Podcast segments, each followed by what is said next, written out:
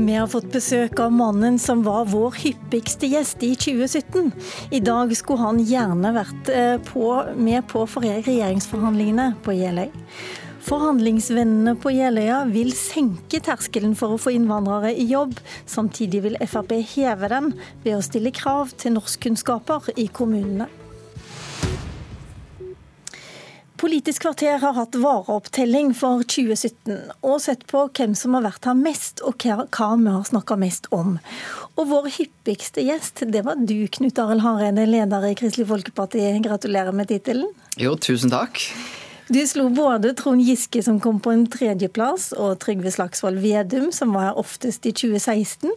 Men helt ærlig så er det jo ikke de politiske sakene som har gjort at du har vært her så ofte. Det skyldes jo at du har vært en viktig person i temaet som topper alle statistikker fra i fjor, nemlig det store spørsmålet om hvem som skal samarbeide med hvem. Jeg antar du har tenkt å ha en sentral rolle i de diskusjonene også i 2018? Ja da, Samtidig så er det jo ikke tvil om at en av de grunnene til at eh, vi ikke fikk et bedre valgresultat, var at eh, det nettopp ble for mye oppmerksomhet rundt samarbeid. Og jeg ønsker i enda større grad å få fram vår politikk. Eh, så det er klart at hvem en samarbeider med, hva en får til gjennom samarbeid, det er jo òg veldig viktig politikk, da. Men det er klart at det er en utfordring for KrF hvis vi ser med tilbakeblikk på 2017, og at det ble for mye oppmerksomhet rundt samarbeid og for lite oppmerksomhet rundt vår gode politikk. Du kunne ha gjort noe med det og bare avklart eh, en gang for alle at eh, ok da, du går med på samarbeidet med de borgerlige og er med på Jeløya. Du sa til meg i går at en del av deg hadde veldig lyst til å være der. Altså, når du er med i politikken, så er du der eh, bl.a. for lov til å legge regjeringserklæringer. Så hvis du spør meg sånn personlig, det jeg opplevde i Nydal f.eks., var jo noe av det mest spennende jeg har vært med i mitt politiske liv. Sånn sett så tenkte jeg at eh, det er klart at kan du være med å skape en regjeringserklæring, så er det noe Jeg tror alle politikere drømmer om det.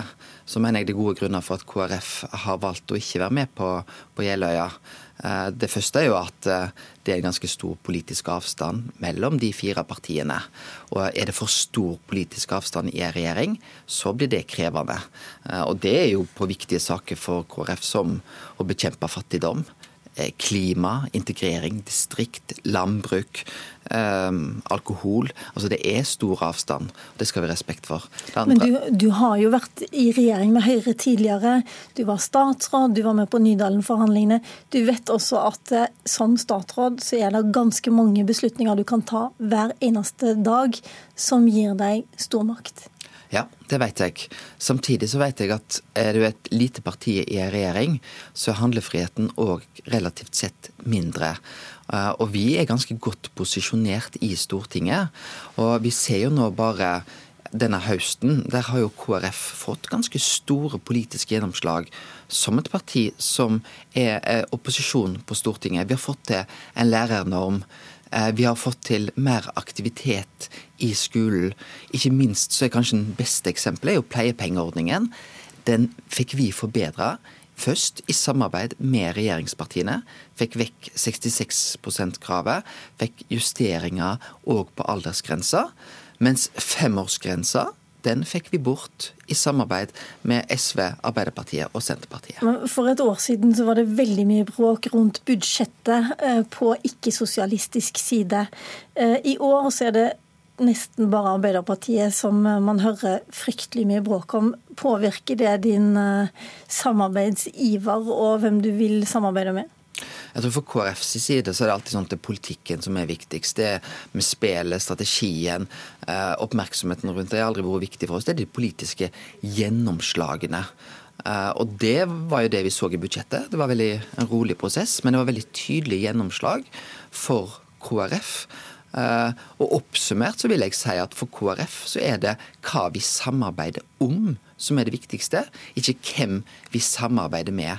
Det er de politiske sakene. Så tror jeg òg vi sa noe veldig tydelig før valget til våre velgere. Uh, vi er et sentrumsparti. Uh, vi ønsket en sentrum-høyre-regjering. Vi sjekka ut og så at det var umulig å få til. Og når vi da ikke fikk til det, så gjorde vi sånn som vi sa til velgerne. Der gikk vi i opposisjon. Og den posisjonen vi har nå, som er en viktig posisjon i Stortinget, den skal vi bruke ansvarlig og med klokskap.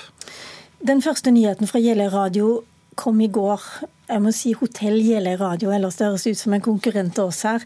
Høyre, Frp og Venstre vil ha en integreringsdugnad, var det første de var blitt enige om. La oss høre her.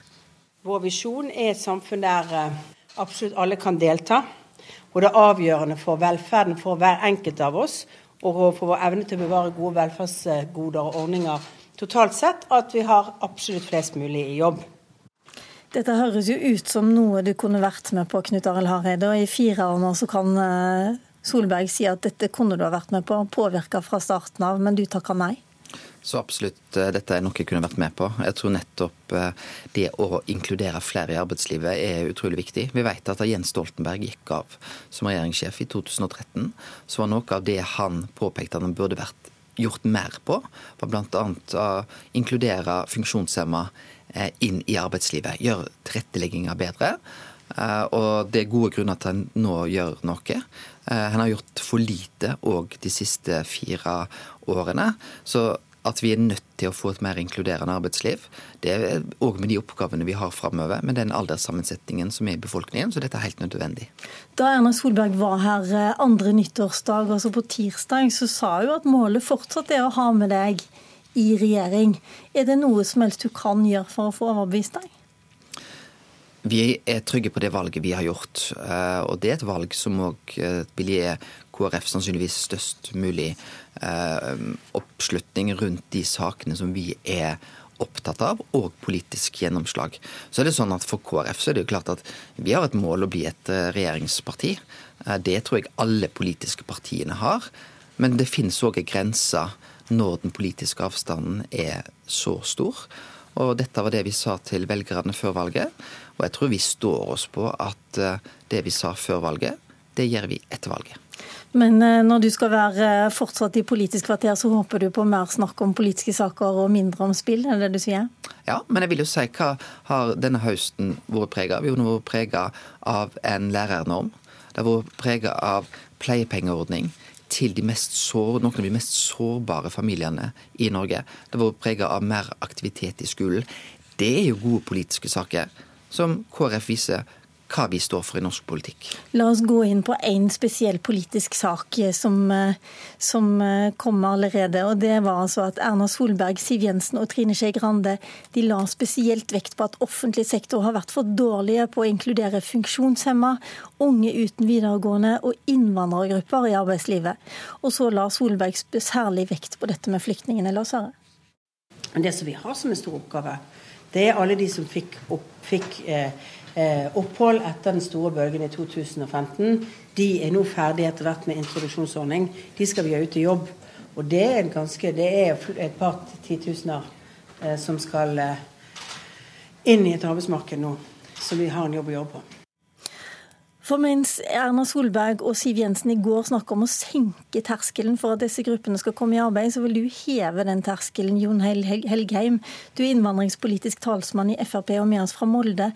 Du vil nemlig at alle kommuner skal stille strengere krav om norskopplæring til de som vil ha kommunale jobber. Hvordan kan det henge sammen? Ja, Det har jo ingen sammenheng selvfølgelig med det Erna sier. Uh, hun uttaler seg om en helt annen sak, uh, egentlig. Men burde du ikke tenke uh, på det? Eh, nei, altså det, jeg tror ingen eh, ønsker bevisst å senke kravene til eh, kvalitet, til språk i offentlig sektor, til de som skal ut og pleie våre eldre og syke. Og at de skal få en dårligere kvalitet fordi vi skal ha flyktninger i arbeid. Det er ikke det Erna legger i det, vil jeg håpe og tro. Ok, Hva vil du med dette forslaget ditt? Vi vil sikre en god nok standard, en god nok kvalitet og en god nok sikkerhet på de som skal eh, passe barn i barnehage, som skal lære opp barn og unge i skole, og de som skal pleie eldre og syke. Eh, vi har fått mange rapporter eh, om enkelthendelser som kan være til fare for liv og helse, faktisk. Eh, Pga. språkkompetansen er altfor dårlig blant enkeltansatte. Det skaper et dårligere arbeidsmiljø, det blir dårligere kvalitet kvalitet i tjenestene. Eh, og hvis vi skal begynne å bevege oss i retning av at vi skal bare ansette personer ut i tjenestene for å ansette de, eh, og sette kvaliteten og sikkerheten i andre rekke, ja da er vi helt ute å kjøre. og Det vil jeg sterkt advare mot. Hva tenker du, Knut Arild Hareide, er dette noe du kunne vært med på å sikre flertall for? Høres det lurt ut? Jeg er nok litt skeptisk til statlige regler Eh, som vi trer over kommunene på, på, dette området. Så jeg er enig i at nettopp eldreomsorgen, eldreomsorga, barnehagesektoren, er, der er språk veldig viktig. Eh, så finnes det jo andre kommunale oppgaver der språk ikke har samme viktighet. Og, Derfor spørs det om vi skal komme med oppgaver. Så er det òg sånn at vi vet at nettopp arbeidslivet er jo en veldig god arena for mange flyktninger og innvandrere å lære språket. Kanskje den beste arenaen for virkelig å lære det godt. De må få språkopplæring. Eh, og det jeg reagerer på, er vel at Fremskrittspartiet har kutta i språkopplæringa, og så kommer en og stiller krav om at en må nettopp ha et språkgrunnlag. Jeg tror norskopplæring er selve grunnlaget for at en kan lære seg godt norsk. Og all, når du bor i Norge, da skal du kunne norsk, du skal snakke norsk, men vi må tenke oss igjen om hva regler, statlige regler vi skal tre over kommunene. Det var kanskje veldig lurt å kutte i norskopplæringen på asylmottakene når du skal stille strengere krav, eh, Helgheim? Altså jeg har jo tro på at uh, vi må stille et uh, krav til innvandrere selv og flyktningene selv om at de må uh, ta grep for å lære språket godt nok. Det er en liten avsporing av denne debatten. For her ønsker vi et nytt krav, eh, siden det bare finnes så vidt jeg vet, en tre-fire kommuner i hele Norge som faktisk stiller konkrete språkkrav til sine ansatte. Eh, da sier det meg at man har eh, for lite fokus på det. Mange kommuner tar ikke dette nok på alvor. Og det er jo faktisk sånn at Eh, Høyre i regjering jo, eller, og Frp da, har jo sendt ut nå eh, forslag til språkkrav i barnehage, fordi man nettopp ser det behovet. Vi okay. ønsker egentlig å gjøre det samme, bare å utvide det til flere stillinger. For jeg kan ikke skjønne at det skal være noen forskjell på språkkrav i barnehage og på et sykehjem eller eh, på et sykehus for den saks skyld. Der er det ekstra viktig. Jeg har en god nyhet til deg. for Hvis ikke Knut Arild Hareide vil være med å sikre flertall, så vil SV av alle faktisk være med på det. Ikke sant, stortingsrepresentant Nicholas Wilkinson? Ja, det vil vi. Men det vi hører fra Frp nå, er at de vil stille krav til norskkunnskap, samtidig som de kutter i norskopplæringen. Det vi har sagt, er at vi mener at de som jobber i barnehagen, og de som er hjemme hos deg hvis du er gammel, skal pleie deg, er inne, inne på soverommet ditt, de skal du kunne snakke norsk med. Men hvis vi skal få til det, så må vi jo gi bedre norskopplæring.